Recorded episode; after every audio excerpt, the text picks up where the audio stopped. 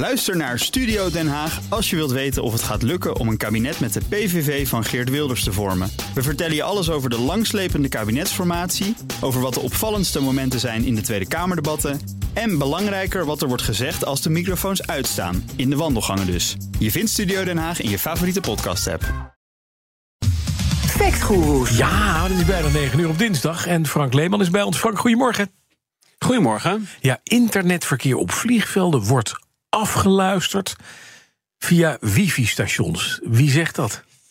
Ja, nou, het gaat om een wat ouder bericht eigenlijk. Een bericht Mhm. uit 2022. En die kreeg de afgelopen week weer wat aandacht toen er nieuwe ontwikkelingen in waren. En het gaat oorspronkelijk om een Engelse 18-jarige student die met zijn vrienden met een vliegtuig op vakantie ging. En als grapje, via Snapchat stuurde hij aan zijn vriendengroep dat hij van de Taliban was en het vliegtuig ging opblazen.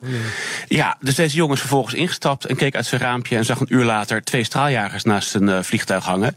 En heeft na de landing ook nog twee dagen in verhoor gezeten. En is uiteindelijk na anderhalf jaar juridisch gedoe vorige week dan vrijgesproken. Dus dat is fijn voor hem. Maar goed, die vrijspraak die zorgde ervoor dat dit onderwerp weer actueel werd. En Britse media schreven dus dat het bericht gevlacht werd. Ja. Doordat de student verbonden was met een wifi-station van Gatwick Airport. En Juist. dat wifi-stations het verkeer monitoren en dat hij de veiligheidsdienst heeft gealarmeerd. En naar aanleiding daarvan zijn er in de Britse media diverse artikelen geweest over de gevaren van het verbonden zijn met een wifi-netwerk. Ja, want dat is interessant. Hè? Dat is, daarom is dit een factcheck inderdaad. Van, is dat nou zo? Want ja, inderdaad een grap maken over een bom op een luchthaven... dat is nooit handig. Maar dit gaat dus in, in principe alleen maar over die wifi-stations... die dus ook dat Ja. internetverkeer uitlezen.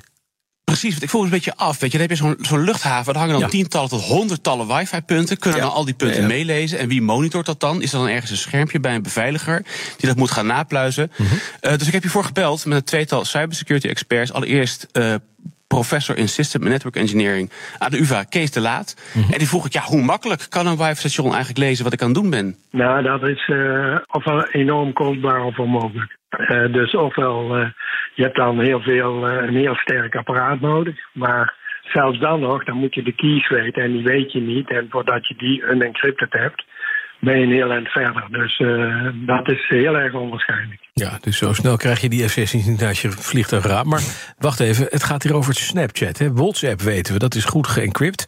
Maar Snapchat, hoe zit het daar met de end-to-end eh, encryptie eigenlijk, Frank?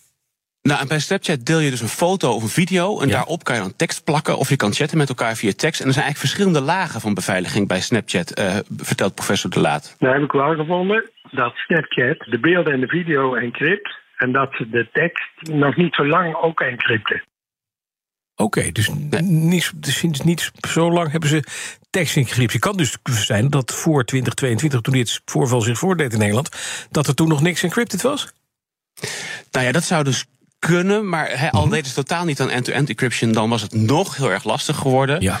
Ehm, want vrijwel alle apps en eigenlijk alle websites gebruiken tegenwoordig ook nog een beveiligingsprotocol. Dat heet TLS, Transport Layer Security. Dus ook als je naar nu.nl gaat of naar pnr.nl, dan heb je per connectie die je maakt, heb je een soort van set sleutels. Ja, en zonder die sleutels moet je zo'n datastroom met heel veel computerkracht en ook vooral heel veel mazzel gaan ontcijferen. En ik vroeg aan Emiel Plechky van RootSec eh, Security wat hij denkt of de TLS-beveiliging op wifi-niveau te ontcijferen zou zijn geweest als Snapchat of een andere dienst geen end-to-end encryptie gebruikt, maar wel TLS. de meeste verkeer tussen browsers nu. Want je hebt gewoon certificaten op, op websites. Dus dat verkeer zie je ook niet. Ja, je ziet encrypted verkeer, maar dat er even snel decrypten, ik denk het niet. Je hebt daar aardig wat resources voor nodig ehm, om, dat, om dat te kunnen doen. Dus ik zie dat heel als onaannemelijk. Heel onaannemelijk. En, en, maar goed, stel iets gebruikt geen end-to-end en geen TLS, dus het is een beetje ouderwetse bende. En het is al volledig onbeveiligd. Ja, dan zou je op een wifi-station wel mee kunnen lezen. Maar dat is hier bij Snapchat in ieder geval echt niet aan de hand. Nee, en dus kan je één ding stellen. Die jongen die dus gepakt is nadat hij dit ontzettende domme verhaal hield... die is op een andere manier is hij, eh, boven komen drijven. Ja, die is misschien gewoon verraden door een van zijn vrienden. of misschien. Snapchat. Ja, leuk. Eh, Echt, eigenlijk een heel dramatisch verhaal dus. Maar goed, of, of Snapchat draait misschien een proces op de achtergrond... toch nog om te kijken wat er allemaal voorbij komt. Ja, ja. Nou, ik zei het al, die jongen heeft twee dagen in verhoor gezeten. En toen hebben veiligheidsdiensten zijn telefoon doorzocht... op Mhm. zoek naar aanwijzing dat hij geradicaliseerd zou zijn. En de veiligheidsdiensten die gaven aan dat de jongen wel... recent nog een nieuwsbericht had gelezen... over mogelijke jihadistische achtergrond... eh, bij escalatie tussen Pakistan en India. Maar dat ze verder geen bewijs konden vinden. En dat is misschien een beetje off-topic qua fact-check. Maar ik vind dat is wel weer een reminder van hoe kwetsbaar je bent als gebruiker. Weet je, als dat je nou net iets verkeerd hebt zitten lezen, of mm hebt zitten lezen wat verkeerd op je afstraalt, ja. ja dan kan het dus eens tegen je werken. En dat bevestigt ook uh, professor De Laat. Het uh, is bijna een omkering van bewijslast. Hè? Dus door, omdat jij gezocht hebt, word je van iets beschuldigd. Het is in, in feite een omgekeerde bewijslast wat hier gebeurt. De wetgeving in veel landen maakt dat veiligheidsdiensten nogal breed toegang hebben tot de servers van een hoop van deze sociale media.